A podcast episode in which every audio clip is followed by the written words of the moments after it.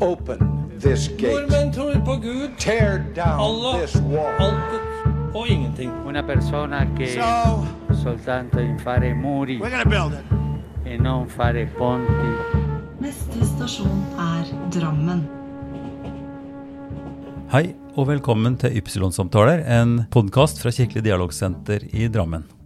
Navnet mitt er Ivar Flaten, og i denne episoden snakker jeg med Josef Angial. Josef ble født i 1955 i en liten by som heter Martfo i Ungarn. Der ble han veldig inspirert av sin bestefar, som var musiker, fiolinist, så han bestemte seg for å lære å spille fiolin. Og det gjorde Josef. Han fikk undervisning og gikk på den berømte Soltan Kodai-skolen gjennom hele skoletida si, før han kom til eh, konservatoriet i Budapest. Han ble kjent med en jente som bodde i Drammen, og flytta hit. Og han har vært eh, musiker i Brageteatret eh, siden 2001. Hjemme er der kjærligheten er, sier Josef. Kjære Josef Angial, velkommen til podkasten Ypsilon-samtaler. Hei, hei, takk for invitasjonen. Veldig hyggelig. Eh, som du vet, så, så er jo dette en, eh, en samtale hvor jeg er interessert i å få litt mer eh, kjennskap og bli litt mer kjent med folk som har preget eh, byen vår, og som deltar aktivt eh, på forskjellig vis. Og du er jo først og fremst eh, kjent som en multikunstner, multimusiker. Eh, og har ditt tilhold nå å jobbe som musikalsk leder på Brageteatret. Ja, det stemmer. Ja. Men du gjør også andre ting. Du er ikke bare der. Ja, så gjøre andre ting enn å jobbe i Brageteatret, mener du? Ja. ja. Jeg spiller jo uh, Livet mitt er musikk, så jeg driver og spiller også utenfor teatret. Hvis jeg får mulighet og sjanse. Mm. Det gjør jeg. Blant annet med Drammens store sønn, eh, Jonas Fjell. Ja, ikke sant? Det er hyggelig det, å være med Jonas Fjellband. Ja, jeg har vært der i fem år. Mhm. Mm. Mm. er- Eh, ja, vi kjenner jo ikke hverandre så godt personlig, men, uh, men jeg husker det var kanskje den første gangen jeg kom litt på nært hold av det. Det var da du ble invitert til kirken Ja. her, og du spilte en konsert for, uh, for våre folk her. Ja. Og det som imponerer meg, det er jo at du, at du, har, at du behersker mange ulike instrumenter. Altså du spiller både blåseinstrument, fløyte og, og saks, men også fiolin. Aha. Eh, hvordan kom det i stand? Hvor tidlig lærte du å bruke flere instrumenter? Ja, det var da, da jeg var et lite barn. Så eh, tre-fire år gammel. Bestefaren min var eh, da musiker. Han spilte fiolin. Mm. Og da det var helt åpenbart at jeg ville også spille sånn som han. Mm. Og da kjøpte han meg en liten fiolin. Og, og så litt sånn Jeg fikk det til ganske fort. og de fant ut etter hvert at uh, kanskje det er en musikalsk talent som er i, i meg, da. Mm.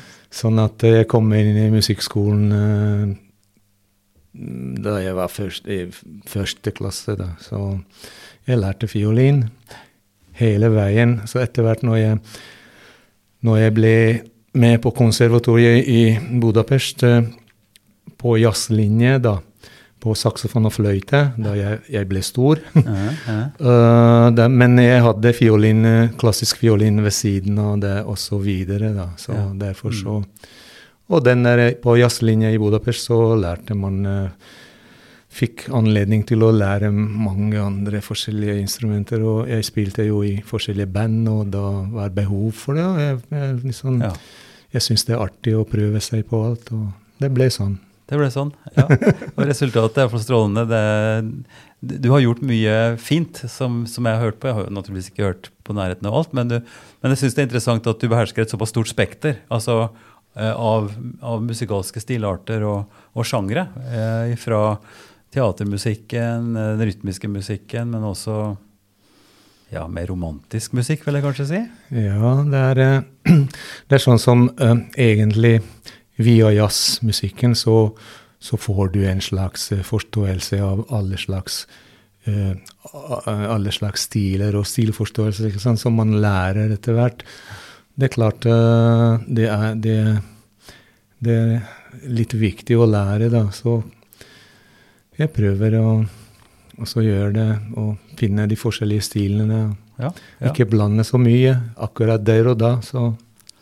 Nei, men det, det handler vel om lydhørhet. Altså I jazzen så er det jo et utrolig viktig aspekt det med å kunne lytte seg inn til den andre. At musikken oppstår i et samspill, og, og at den kan ta litt ulike veier. Eh, ikke sant? Ut ifra både dagsform eh, og hva slags impulser man får som, eh, som musikanter sammen.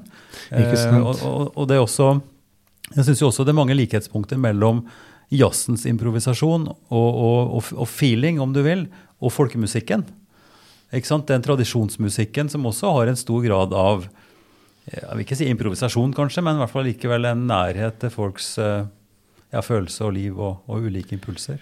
Ikke sant, I forskjellige, altså forskjellige verdensdeler, de for, forskjellige folkemusikktyper, da, så det var ganske mye improvisasjon, egentlig. Er Indisk musikk, når du sier, for eksempel. Det er masse improvisasjoner. Sånn.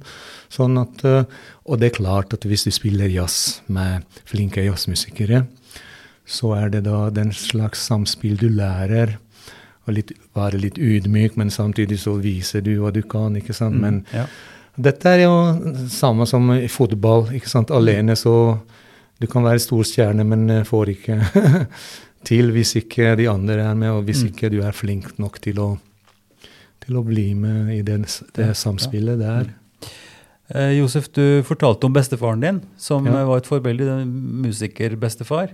Eh, og vi må si litt om eh, bakgrunnen din, for eh, Angial er jo ikke noe norskklingende navn. Og, og du bryter jo litt på, på aksenten din også, så kan vi høre at du, du er ikke norsk født. yeah. Men du er født i en, eh, kanskje ikke en by engang, men et ganske lite sted som heter Martfo Ja, det stemmer. i Ungarn. I Ungarn. Si litt om din, tidlig, tidlige barndom og hvordan det var å vokse opp der fra 1955. Jeg er like gammel omtrent. Ja, ikke sant. Eh, Ja, altså Den eh, lille byen som da var Og jeg er født eh, Var det da bestemor og bestefar Jeg har, jeg har vært uh, hver sommer uh, der, og veldig mange ganger. da Foreldrene mine var lærere da.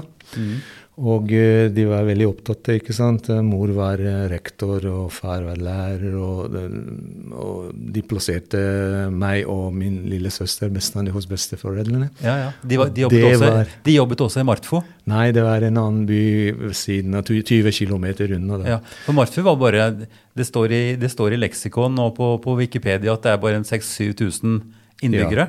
Så det er nærmest en byg, bygd eller et, en liten Ja, ikke sant? men det har status eh, som by nå i dag. Det er litt mer nå enn 6-7. Ja. Men eh, Så jeg gikk på skolen i Martfu, og tenk på Mammaen min var rektor der jeg gikk. Så det var litt sånn um, Og så Da bestefar og bestemor kanskje var altså, brukte mye mer tid på meg enn mine egne foreldre. for Ja, ja, men sånn er det jo Og derfor så, ikke sant, den musikken som kom inn via bestefar, det, sitter, det sitter i dag. Og den, eh, og den stilforståelse for, for det, det, det var mer folkmusikk, da. Ja, i mm. Folkmusikk. Mm. Og um, da jeg ble ferdig med gymnaset og sånn, så, så ble jeg da i Budapest, i hovedstaden, på grunn av konservatoriet jeg gikk Ja. på. Jeg, jeg, jeg har lest, jeg lest meg til at du både har gått på Bela Bartok-instituttet, og du har gått på Soltan Kodai. Ja. Og begge to er jo store, store navn i den klassiske musikken. Soltan Kodai eh, i- i institutt, det, det er en sånn eh, musikkskole som er fra første klasse helt til gymnaset, så er det bare musikklinje. Aha. Og em, det var sånn at musikken var viktigste, og alt andre fag, liksom matematikk og sånn, det, vi måtte lære det òg, men eh, vi satser på musikken helt. Og han eh, Soltan Kodal, da den store ungarske komponisten, som egentlig eide den skolen, selv om det var under kommunistisk tid, eh, som staten eide alt, men det var han som, han, som var da eh, primusmotor der. Mm. og han var der hver, hver uke en gang. Og på den siste dagen i, på uka så kom han, og vi sang hans verk for at han var særlig korus, altså så de korverkene Ja, ja. sine, så var det veldig store. Og de, vi, tenk på, den skolen hadde 1300 elever. Og da sto vi i aulaen på skolen, alle sammen, de to siste timene på, søn- eh, på, på lørdag. Eller fredag, var det. Ja. Nei, jeg tror vi, vi gikk også på lørdag. ja, det var sikkert lørdagsskole den gangen. Ja, ja. Og da hele skolen sang disse Altså, han dirigerte. Og jeg hører den lyden enda, vet du, da, eh, da 13 1300 velskolerte elever. elever. som synger, vet du, Wow. samtidig i aulaen. Oi, Det er helt utrolig. vet du. Det er sånn at uh, håret reiser seg nesten, Ja, i den grad vi har noe hår enn lenger. Men det er fantastisk. eh, Jeg har følelse av å stå i musikken. Altså Jeg opplevde det sjøl da jeg begynte å synge. Jeg begynte å synge ganske seint i kor. Jeg gikk på folkehøyskole og satt på biblioteket over og jobba med noen greier, og så hørte jeg sangen under. Og jeg ble så til, altså jeg er jo vokst opp i musikk og sang, Mm. men, men jeg har ikke sunget noe sjøl. Men fra da av altså, så har korsang og det å stå i en gruppe med mennesker som synger sammen, Ja. det, gjør, det er noe annet enn å synge én og én. Det kan være flott med solister, men å stå i en stor gruppe, og 1300 måtte ha vært Ikke helt, helt voldsomt. ja, det er helt fantastisk. Jeg husker det. Jeg Men, men. Kodai er jo også et eh, Tar jeg feil nå? eh, Det er han som den, den eh, Do, re, mi, fa, sol, la, Ja, ti, do. Det er hans Ikke sant? eh, Det er en egen musikkmetodikk og en Ja. måte å jobbe musikk på som Ja. han er kjent for og har etablert, Ikke som er verdensomspennende nå. Ja. Ja. Og det var, jeg husker da på klasserommet så var det hver uke folk fra Japan, fra Kina, som besøkte på undervisningen pga. den egentlig den Kodai-metoden. Det var veldig eh, famous school, Ja, for ja, å si det sånn. ja visst. Ja, visst. Mm. Ja, da, og det, og det lærte jeg jo da jeg gikk på, på skole sjøl. Så var jo den do, mi, fa, ja. sol, ti, do. Altså at man, læ- man lærer skalaene og, og sånn istedenfor å, å snakke om disse musikktrinnene. Så kan du sette i den do, re, mi, fa, sol, la, ti, do, så kan du sette inn i hvilken som helst toneart. vet Ja, du. Så hvis det er F-dur, så Nå snakker jeg da Ja, ja. teori, men Ja, ja. så er det F som er do. Så, Ja, så, ja, ja, da, da ja. er det samme. Det er helt relativt. Det er veldig ålreit. Ja. ja. Så det betyr du fikk en, du fikk en helt spesifikk og veldig grunnleggende musikkutdannelse. Ikke bare inspirert Ja. av bestefaren min, men du, du fikk dette inn i hele undervisningsløpet. Ja, det gjorde jeg. Og, og så derfra til, til Belle Bartok eh, i Budapest, Ja, som var et, et, en høyskole, eller et, en Ja. musikkhøyskole. ja. Ja. Og um, ja, det var det. Og så da, da jeg kom til Norge, så gikk jeg også i etterstudier på, på Østlandets musikkonservatorium i to år, da. Ja, ja. For at uh, jeg hadde planer å undervise her i Norge også. mm. Og da undervisningsfilosofi det er litt annerledes i Ja. Ungarn. og selv om det, det ble godkjent, Så min utdannelse ble godkjent i Norge. Mm. Men jeg ta, tok den tilleggsutdanning, og, og jeg tok også universitet her for engelsk grunnfag og sånne ting, og data, vet du, så jeg gikk på skolen noen år her òg. Ja. Men, eh, men Josef, jeg har lyst til at vi skal gå litt tilbake igjen Ja. til tiden din i den vesle byen. Ja.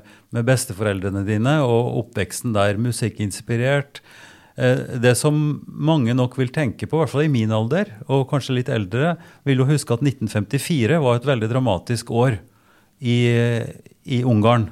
Etter krigen hvor kommunismen fikk feste, og så ble det en, en slags populær oppstand eller en slags revolusjon som gjorde at mange ungarere kom Ja. til Norge i 50-årene. Men du er jo født i 55. Hadde du noen fornemmelse av dette? eller Hvordan var det å vokse opp sånn, jeg tenker politisk, Mhm. religiøst? Eh, Husker du tilbake på dette? Hva dere var familien var opptatt av? Om dere feiret fester? Osv. Mhm.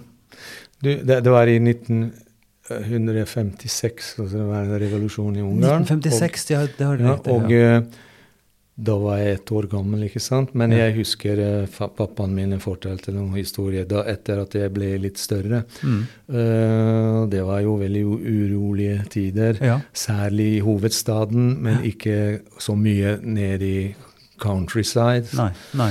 Og, uh, men uh, det er klart det, Da kommer en den Kadar-tida i Ungarn eh, fra 56 eh, og så ut til 1989, ikke Ja, sant? ja. Og det er klart at det var under kommunistisk styre. Men jeg som barn Det var helt fantastisk for meg. Jeg, vi, vi, vi blåste i, i, i politikken og sånn. Vi var Mm. bare barn. ja. Så at uh, 1. mai det var eh, like stor som 17. mai her i Norge. Vet Ja. du, da gikk i tog. Og, Nettopp, sant? Så, så det, det var lykkelig og skikkelig ålreit barndom, for Ja, å si det sånn. Ja, Så, og det, da jeg var hos bestemor og bestefar hver sommer, som jeg sa Det drev og fiska, vet du. Jeg satt ved, ved elvebenken og fiska hele tida og, og drømte meg bort at uh, en vakker dag så skal jeg eh, ha en båt. Mm. Og så skal jeg gå med den båten ut i sjøen og fiske. Og så, så kom den tida, vet du, her i Drammen. Da kjøpte jeg meg båt, og så kjørte jeg ut i fjorden vet du, med snekka, ikke sant, og fiska jeg noen år. ja. Men så Gjett hva jeg drømte da, på midt på fjorden. Nei. At jeg fisker i Ungarn ved elvebenken. Ja, ja, ja, Ikke sant? Så den der magiske runden, vet Ja, ja, ja, nettopp. Du lytter til en Ypsilon-samtale fra Kirkelig dialogsenter. I denne episoden snakker jeg med Josef Angial. Mm. Vi, vi er jo så opptatt i, eller jeg er opptatt i denne, både i jobben min naturligvis, men også i denne podkasten å snakke om folks eksistensielle og religiøse eventuelt eh, moralske bakgrunn. Og Ungarn er jo kjent for en veldig sterk katolsk kirke. Eh, og, kirka var sikkert også, vil jeg tro, sterk også under kommunismens tid. Eller hvordan opplevde du det? Har du noen minner om det i din Ja. oppvekst? Jeg har det på den måten at det, jeg ble 18 år gammel, så bestemor kom til meg med et eh, papir. Ja. Så hva er det for noen bestemor? Ja, gutten, dette er eh, da Det er dåpsattesten din. ja. Å, tusen takk. Jeg, ingen visste det at bestemor i, i hemmelighet tok uh, meg med seg inn i kirken og, og døpte meg, vet du. Det var, det var Fordi- hemmelig. Ja. Mora mi var eh, rektor i en uh, skole. Mm. Da hadde hun mista jobben, vet du. Såpass, ja. Ja, ja. For at det var, kommunistisk styre var mot religion. Men de klarte ikke å dempe såpass allikevel. Men sånne lederstillinger var det altså Det var dødssynd for Ja, ja, jeg forstår. Ja. Det er interessant, fordi jeg hadde en eh, samtale med, med Jadwiga Ilen, som eh, vokste opp i Polen. ja. Eh, og Polen er også så dominert av katolsk kirken. Og det var også et, katol eller et, et kommunistisk styre. Ja. Men hennes inntrykk var mer at, at kirken kunne operere ganske fritt, egentlig. Ja. Altså Den hadde større rom eh, der, men, men kanskje da ikke for de som hadde den type stillinger som du sier, at det, ble, at det kunne være problematisk. ja. Det var jo Kirken funka da òg. og eh, det var litt grann dempa? Ja. men den, den funker. eh, Særlig i Polen, det er jo veldig religiøse nasjon, eh, ja. katolske. Ja. I Ungarn er det uh, 30, kanskje 40% katolske og, og protestant Altså det heter lutheransk. Mm. Calvinist heter det. Ja, ja, kalvinister. Ja. Calvin, ja. En, en litt konservativ, Ja. eh, eller reformert, som man sier. da. sånn, veldig- ja, ja. Med bildeforbud, kanskje. Altså Ikke noe pynt og ingenting. Det er veldig sånn eh, Ja. Mm, ja. Går du inn i Ja. kirke, kirke, så er det ikke så masse pynt, og det var helt sånn Men, eh, men slik som jeg forstår det, så er også katolsk kirken eh, dominerende. Altså det er en større katolsk kirke i, i Ungarn enn protestantisk. Ja, så ja. Kanskje det dom, Men, men eh, dominerer de tallene er men- ikke så viktige. Men uh, poenget er at du også ble døpt i hemmelighet av Ja. din beste, med din bestemor, eh, og fikk greie på det da du var 18. Ja. Så hvordan, hva tenkte du da? Hadde du noe kontakt med kirka, eller noe, uh, fikk du høre bibelfortellinger, eller var det, var det noe religiøs praksis på en måte i din, i din barndom ungdom som du husker? Altså på, I Ungarn, på ungdomsskole og på barneskole, så var det ikke noe særlig eh, Religion var ikke noe særlig framhevet. Så det, Nei. det Nei. vi, vi, vi har ikke lært veldig mye om religion, vet du. Nei. Nei. Nei, av styret, på grunn av grunn det, var ikke mål Nei, for nei. kommunis- kommunistene. Nei, altså, En kunne jo kanskje dra det litt langt og si at kommunismen i seg sjøl er en slags religiøs uh, um, drøm, eller en visjon om ikke sant, likhet, brorskap, hvor alle skal ha det samme. Sånn sett så var vel uh, altså inspirasjonen til kommunismen uh, ligger jo på et sett og vis i kristendom, men det er klart med den tvangen og med, med den, de rammene som ble lagt, så, så, så ble jo det forfeila. En ser Ja. jo at, at, at den eh, brutale kommunismen, leninismen også, sant, blir en tvangstrøye som blir for mye for folk. Og som Mm.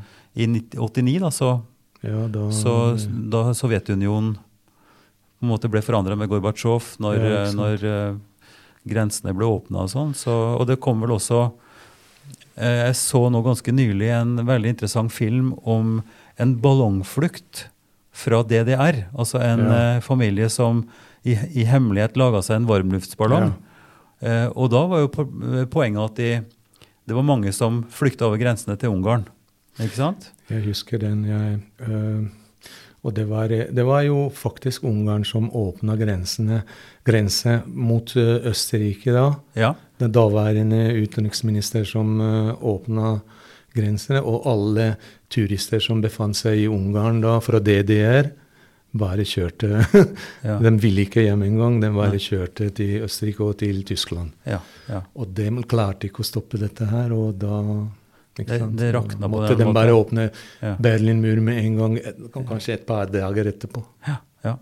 Slik at uh, Ungarn hadde sin rolle. Jeg, jeg har også lest meg til at, at det økonomiske styret i Ungarn gjennom uh, en del av kommunisttiden også var åpna opp for litt nye, Ja. litt nye måter å drive business på, f.eks. med samarbeid og sånn. At ikke alt var statsstyrt og, og sentralisert. ja. Privatisering var, eh, var tillatt, eh, sånn små bedrifter og sånn. Så de Ja, kunne ja. bare kjøre. At det også var noe av det som inspirerte eller førte til endringene i, under Gorbatsjov f.eks. I, i, i Sovjetunionen osv. Så, videre. så det er, Ja. vi har levd i noen ganske dramatiske ti årtier, eh, Josef. Ja, ikke sant? Eh, Og nå min- kommer viruset, så Ja, og nå er det en annen type dramatikk. Men, eh, men det, det, det er både interessant og dramatisk å se tilbake på de store omveltningene som har skjedd eh, i vår levetid. Eh, vi er begge født ti år etter andre verdenskrig, sant? 1955. Eh, og du i Ungarn med den endringen og det som skjedde fra 60, altså 56 da, og, og frem til 89, og nå endringene. Og jeg syns jo eh, det, er, det er jo veldig interessant å høre hvordan du opplever Ungarn nå. Altså fordi Den store helten i, i 89, en av de store viktige, var jo Viktor Orban. Som, som var veldig offensiv på å skulle snakke frem folkestyret. Få, ja. få en slags motstand mot, uh, mot kommunismen. Og mm. var, og, men har jo fra da av bygd på en måte innflytelse, og, og er jo nå eh, ikke president, men statsminister, og, og en, viktig, ja. en viktig person. Hvordan, eh, hvordan ser dette ut ifra din side? Eller før vi går inn på det, må jeg Ja. nesten rulle tilbake igjen. Hva var grunnen til at du valgte Norge? Hvordan, hvordan kom du hit? Jeg, jeg var jo her eh, flere ganger før jeg bestemte meg å være her med forskjellige musikkformat som eh, jeg spilte rundt omkring. Mm. Og da møtte jeg med min store kjærlighet Ja. i Drammen, vet du. Og, Ja. og, og eh, vi ble kjærester, og, og eh, vi gifte oss etter hvert. Mm. Men hun ville ikke bo i Ungarn da. Nei. For at det var de to uh, muligheter. Og Mm. uh, hun er jo oppvokst i Venezuela. Hun var norsk, da, men uh, mm. foreldrene Og da ok, da kan vi prøve også Venezuela. Så vi prøvde det noen måneder, og eh, det likte jeg. Jeg likte ikke det. For at det er et vakkert land, det var det, men eh, det er ikke noe særlig ålreit å se på alle disse militærene. Da, Nei. det var i ikke sant, 80-tallet Mm, allerede. mm, mm. Og da sa vi ok, da skal vi bo i Norge. Så vi bosatt i Drammen. da. Nettopp. Så det var kjærligheten som brakte deg hit, rett og slett? Ja, ikke Mm. sant. Og um,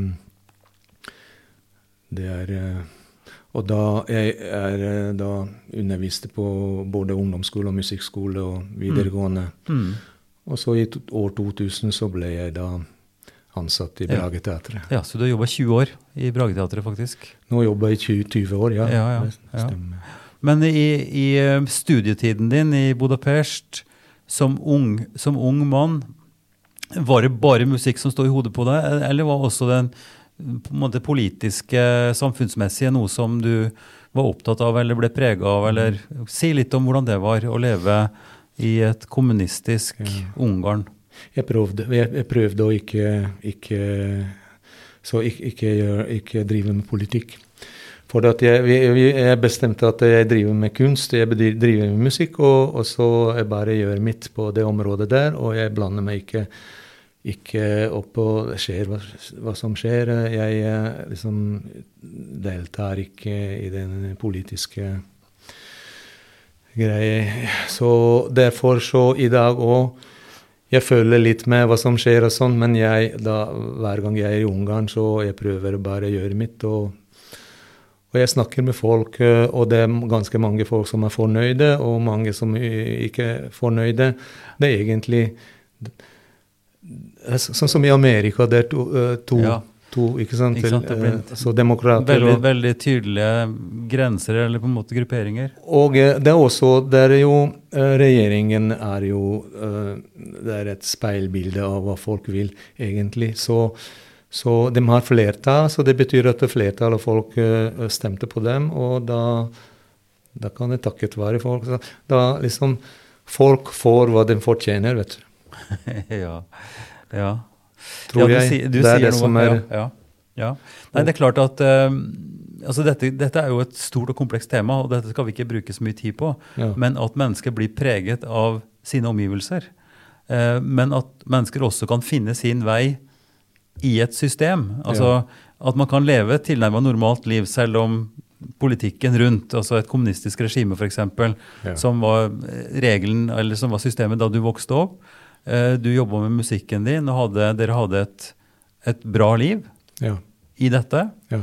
Uh, og så går årene, og så forandrer det seg. Og, men det er klart, vi, vi, vi ser jo både i USA, som du nevnte, og i Ungarn og Polen, eh, hvor, hvor sterke disse grupperingene blir. Ja. Og hvor, og hvor eh, ja, splitta eller, eller polarisert da, samtalene blir, og hvor sterke motsetningene blir mellom de som støtter den ene eller den andre parten. ja. Eh, Og det er jo noe av det som jeg tenker både kulturen, musikken og forhåpentligvis også En skulle også ønske at religion, tro og livssyn skulle være med til å lage en type forsoning eller, eller mulighet for samtale og ikke splittelse. Men en ser jo i disse landene at, at de religiøse gruppene er jo ganske steile mot hverandre. Vel, det er eh, Det kan du si, kanskje. Men eh, jeg ser på folket i Ungarn og, og andre folk også i Europa at de er eh, Folk er under forandring. Mm. De blir mer eh, altså spiritualitet, Spiritualiteten kommer mer i bildet. Særlig i Ungarn, det, det opptaket. Det er altså, folk er mer opptatt av um, spirituelle ting enn før. Jaha. Og um, Hvor, si litt mer om det. Hvordan opplevde du det? Eller hva, hva, hva betyr jeg det? ser uh, hvor populære uh, forskjellige um, foredrag For at jeg, jeg pleier å se et par-tre ting på nettet, f.eks. Ja. Mer og mer populære sånn, av den, den slags tenkning, da. Um, så jeg ser den tendensen her. Mm, ja. Mm. Og du, du har når du, når du da kom til, til Norge um, av kjærlighet, møtte en kvinne, dere ble glad i hverandre, dere prøvde ut litt forskjellig. eh, Ja. eh, hun var ikke så interessert i å bo i Ungarn av forskjellige årsaker. Eh, det hadde kanskje både med språk og med jobb eller andre ting å gjøre. Tilsvarende for deg også da dere kom til Venezuela, Ja. og så landa dere Nor i Norge etter hvert. ja. Men, men den prosessen som består i å skulle tilegne seg et nytt språk og bli del av et, et samfunn eh, Dette har jo gått av, i hvert fall i tre faser i ditt tilfelle, mm. på en måte. Eh, Vil, du, vil du si litt om det? Hvordan det var å komme mm. eh, Ja, hvilke prosesser du har vært gjennom for at du nå skal være en, drammenser som, som eller For du er drammenser, absolutt, selv om du har eh, ungarske røtter? Ja, nei, altså jeg prøvde å Jeg bestemte meg at uh, altså hjemme er, der, hjemme er der hvor kjærligheten er. så da kan du bo uansett hvor du er i verden. Så der hvor kjærligheten er, så kan, Ja. kan du føle deg hjemme. Ja.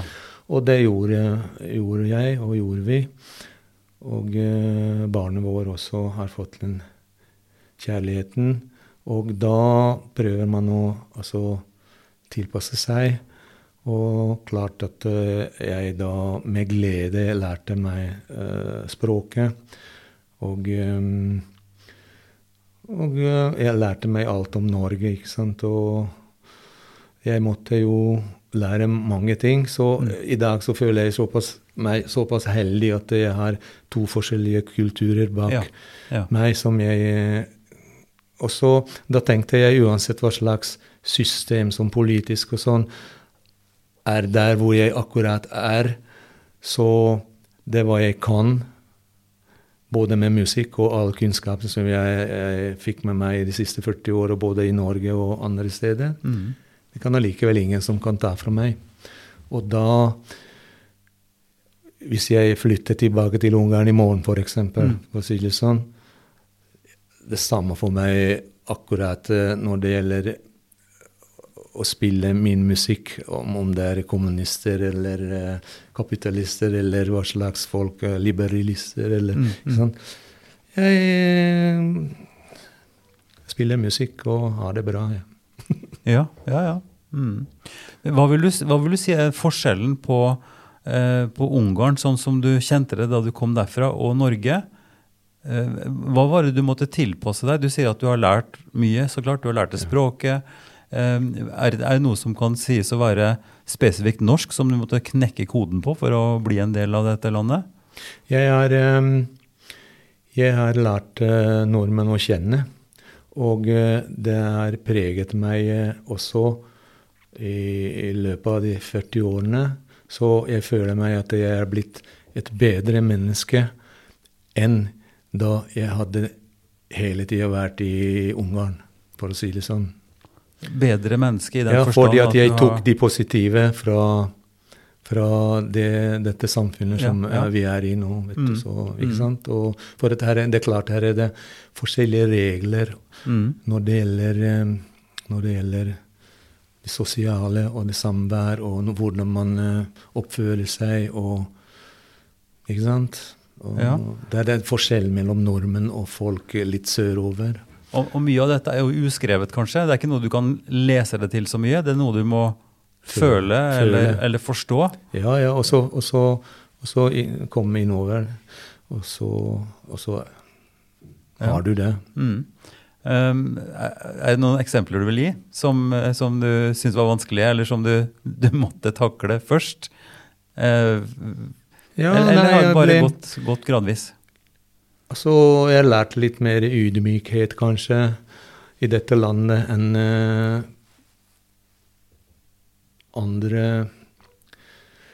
land at, eh, Jeg vet ikke hva slags um, Nei, Mener du at folk i, Ungarn er mindre ydmyke? Er dere stoltere? Er dere mer midt, rett på? Er det en annen omgangsform? Nei, folk i, i Ungarn er like ydmyke, men de, de, de har en annen måte å vise det på. Ja, nettopp. Ja, ja, ja. nettopp. Ja. Ikke sant? Og eh, Ja, jeg vet ikke Jeg, kommer ikke på noe eksemplar nå, men Nei, eh, nei, nei. Men, men, du, men du ble jo glad i en jente fra Venezuela, Sør-Amerika. Eh, sånn at dere, dere har jo på en måte del i tre kulturer, da, kan man si. Ja, hun er jo norsk, hun er også født i Drammen, men, i men at eh, hun ja. er oppvokst i Venezuela, Ja, skjønner du. ja nettopp. Ja. Og derfor så hun har den, eh, ja, den kulturen der, ja. Sånn, så det, det blir jo en, en, en ekstra, en ekstra styrke, på en måte, en ekstra Ja. variasjon eller tilfang av ulike Ja. kanskje måter å tenke på, eller måter å føle på også. ja, ja, ikke sant. Det, det Og dette er jo noe som ethvert ektepar må finne ut av. Altså når man flytter sammen to og skal leve sammen. Jeg har levd sammen med min Ingvild fra 1975. ja? Så vi har måttet ha brynt oss på hverandre, men vi er jo fra samme bygda. ja. Men selv når en er så like, så er det klart en må finne ut av ting. Eh, og det er kanskje noen ekstra krydre eller ekstra ting som en skal finne ut av også, da, når man er sammen fra Ja, ulike kulturbakgrunner. si. Ja, ja, ja, det kan du si. Mm. Det er eh, Det er mange ting som man går gjennom 40 år, så det er Det lærer vi av hverandre veldig mye. Mm. Mm. Du lyttet til en Ypsilon-samtale fra Kirkelig dialogsenter. I denne episoden snakker jeg med Josef Angial. Eh, Jeg vet at du har vært, og du sitter kanskje enda i styret for Drammen minoritetsråd. Du har i hvert fall vært inne der. Ja, jeg har vært inne. men Ja. Nå sitter jeg ikke der. Vil du, si, vil du si noe om arbeidet der, og hvorfor du, eller hvorfor du syns det var viktig å være med der? Inn, I Innvandrerrådet. Ja, ja. Uh, nei, det var artig. Det, det var um, Jeg kjente veldig godt uh, hun som var uh, formann. Hun var fra Venezuela, faktisk. Ja, og da vi var i Venezuela, så jeg traff både mammaen og, og foreldrene hennes. Ja. så, og så hadde jeg også barna deres da jeg var lærer på Øren skole. Mm. Så, og så via den kjennskapen der, så vi snakker sammen, og hun vi, ville gjerne at jeg også er med, da. Mm. Så jeg var med et par-tre år. Det var, det var eh, saker og ting vi snakka om mye, og det var positivt. det. Mm.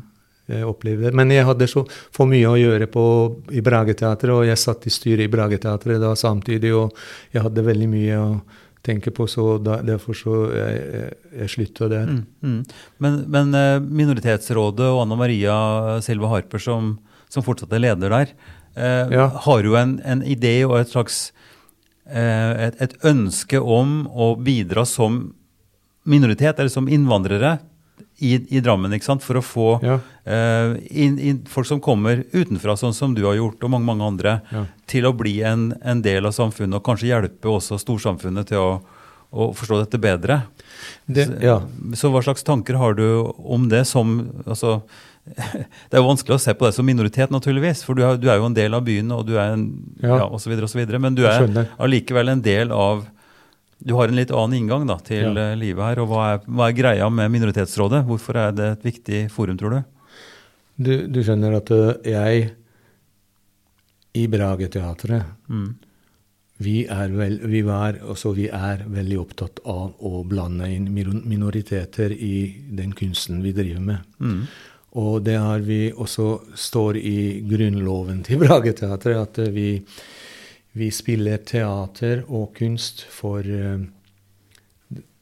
også minoritetsbakgrunnspublikum. Mm. Uh, ikke sant? Så Mm. hvis, derfor så vi har lagd mange forskjellige teaterstykker som, som både handler om dem og for dem. Og, Mm.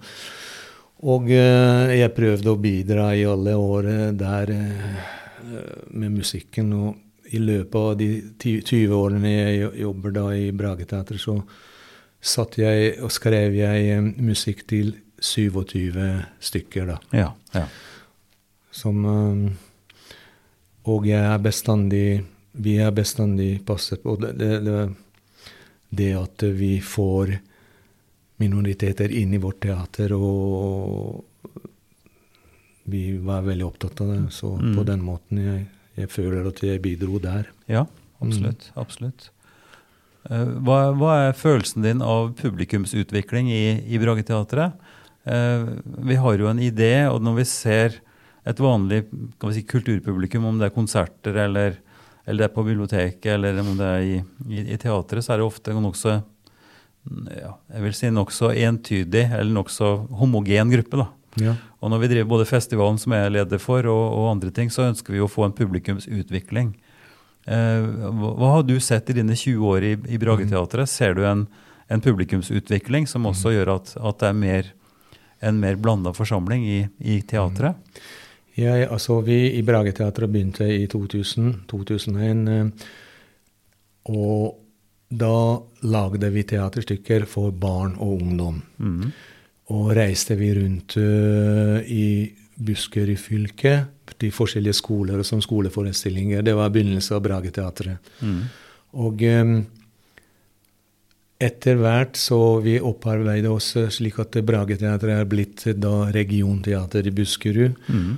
som vi fikk oppgaver også å ikke bare lage eh, stykker for barn og unge, men også for voksne. Og nå er det ikke sant, nå blir det Viken. Nå blir eh, altså eh, Regionteater i Viken. Da, og, men så jeg, jeg ser utviklingen eh, fra å, å lage bra, uh, uh, ungdomsteater så til, til unge. Og i dag så er det gått 20 år, vet du. Ja, og de unge, ungene vi spilte i 2003, nå er de voksne. Ja. Og jeg ser mange ansikter som kommer på forestilling for at de vet at Brageteatret var da de var på skolen. Ja, ja. Så på den måten, ikke sant, det er en slags, vi driver også en slags eh, oppdragelse av Ja. publikummet vårt. Mm. Mm. Og, og jeg ser at eh, det funker. Og der, det er jeg veldig stolt av også, for at det betyr at eh, da har vi gjort en ålreit jobb, egentlig. da. ja. Mm. Og det er egentlig målet vårt også å få inn For at teaterkunst er en kunstform som er viktig, viktig å oppleve både for barn og voksne. Mm. Ja, ja.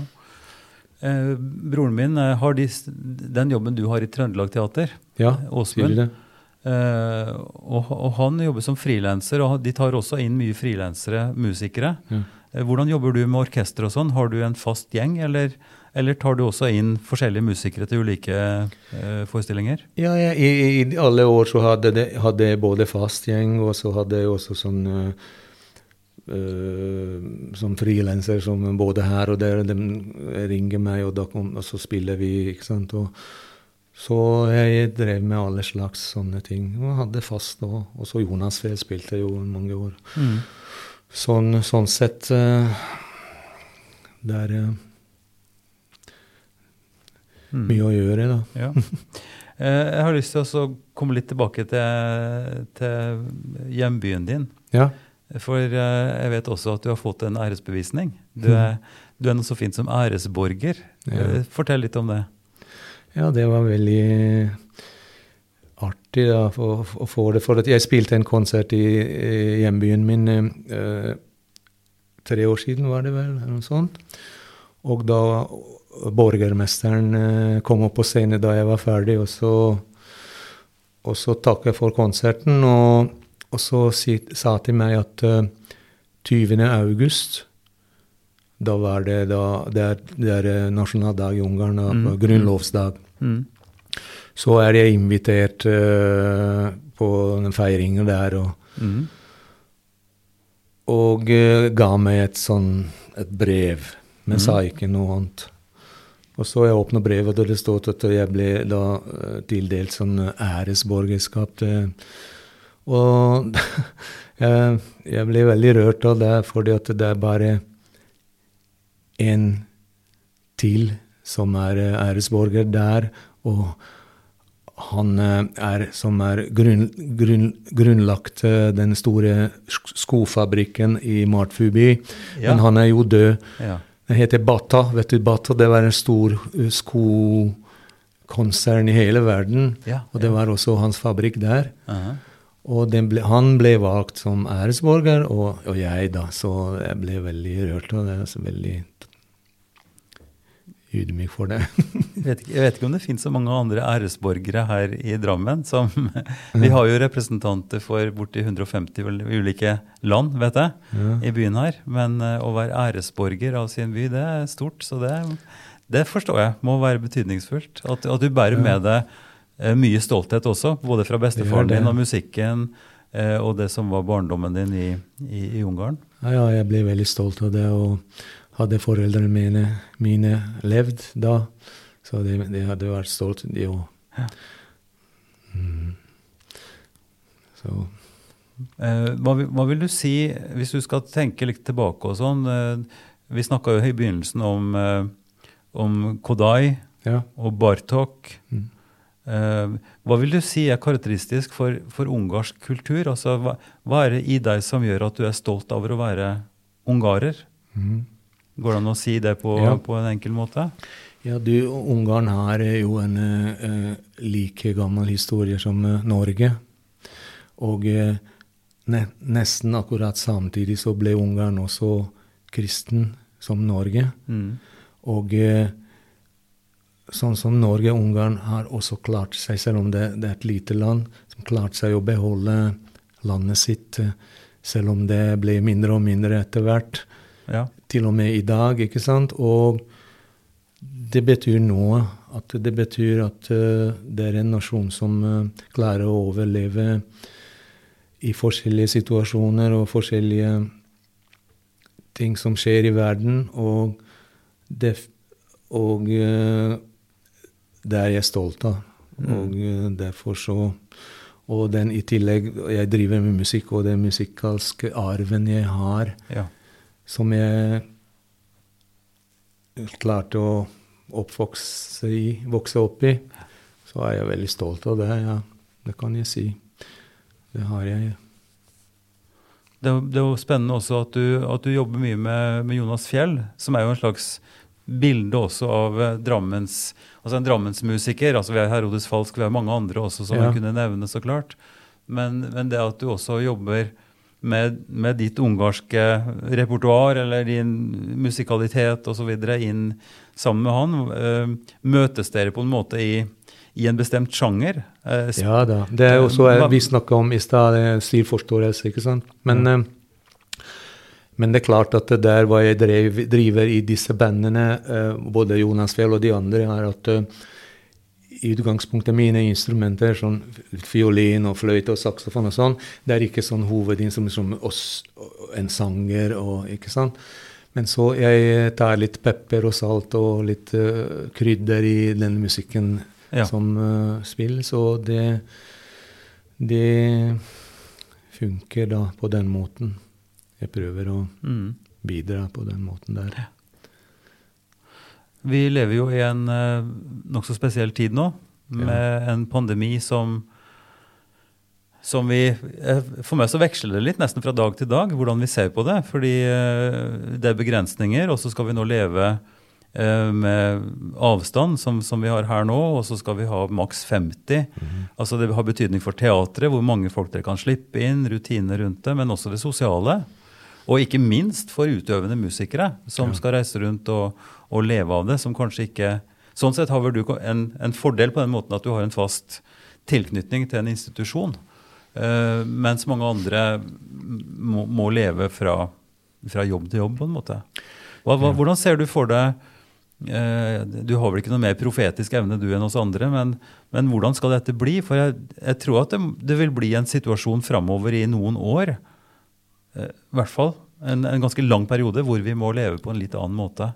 Jeg tror det er ikke bare noen år. Kanskje Jeg ganske varig. er- Jeg tror det er eh, Fra nå så er det noe annet. Mm. Sakte, men sikkert. Det blir noe annet.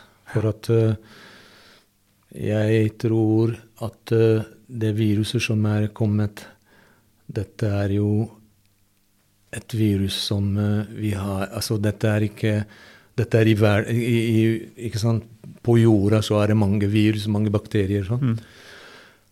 Og eh, at det viruset akkurat har, eh, gjør dette store forandringen her i verden, det er litt rart. Men det er ikke noe tvil at det blir Jeg, tror det, at det blir store forandringer. Uh, Måter vi kommer til å leve på, det blir forandring. Mm.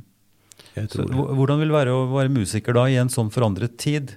Hva vil forandringen være, tror du, for din del og for teaterets del? Du vet at musikken eh, er levd i mange tusen år og kommer også til å leve for at så lenge folk eh, har behov for den, den kunstarten, så en musiker, altså musikken blir eh, Men, eh, men eh, hvordan det blir, det vet jeg ikke. Det, blir, altså, det var sånn at eh, i 12. mars så fikk vi beskjed på teatret at vi skal gå, gå hjem, og så være hjemme. Det Selvfølgelig, hadde mange, mange um, opptredener som uh, gikk i vasken. Mm. Men uh, akkurat den delen som kommer tilbake for at det er nå, er jeg, nå kan, kunne jeg spilt for 50 stykker. Men kanskje i juni så kan jeg spille for 200 stykker. Og så etter hvert den, den delen så blir det ålreit, tror jeg. Men uh, men det andre ting i, i, i samfunnet, hvordan det blir, det blir helt sikkert forandring. Altså. Det tror jeg. Altså. Mm, det, vi har levd i spennende tider, og det blir også spennende framover. Mm, spennende, det blir og- spennende. og det er spennende å leve, eh, Ja, og det ja. kan være utfordringer. Og så er det, skjer det gode ting, og så må vi prøve å gjøre det beste ut av det. Og, Ja.